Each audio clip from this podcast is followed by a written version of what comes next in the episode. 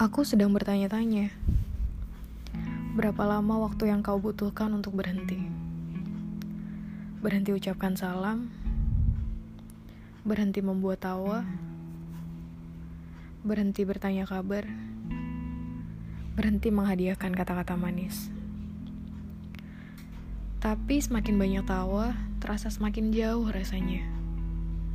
Semakin banyak bahagia, semakin ketakutan yang datang.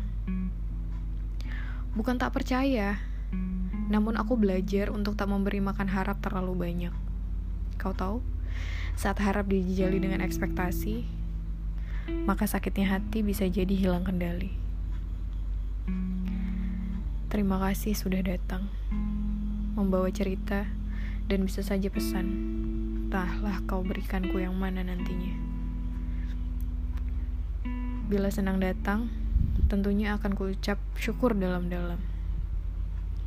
Namun bila sedih datang menyusul, mungkin memang Tuhan mengingatkan agar segalanya harus seimbang. Setidaknya, air mata yang tadinya hampir turun malam ini, tergantikan banyak tawa dari setiap celoteh tentang ikan cupang. Terima kasih telah memberi bahagia dengan hal-hal yang sederhana.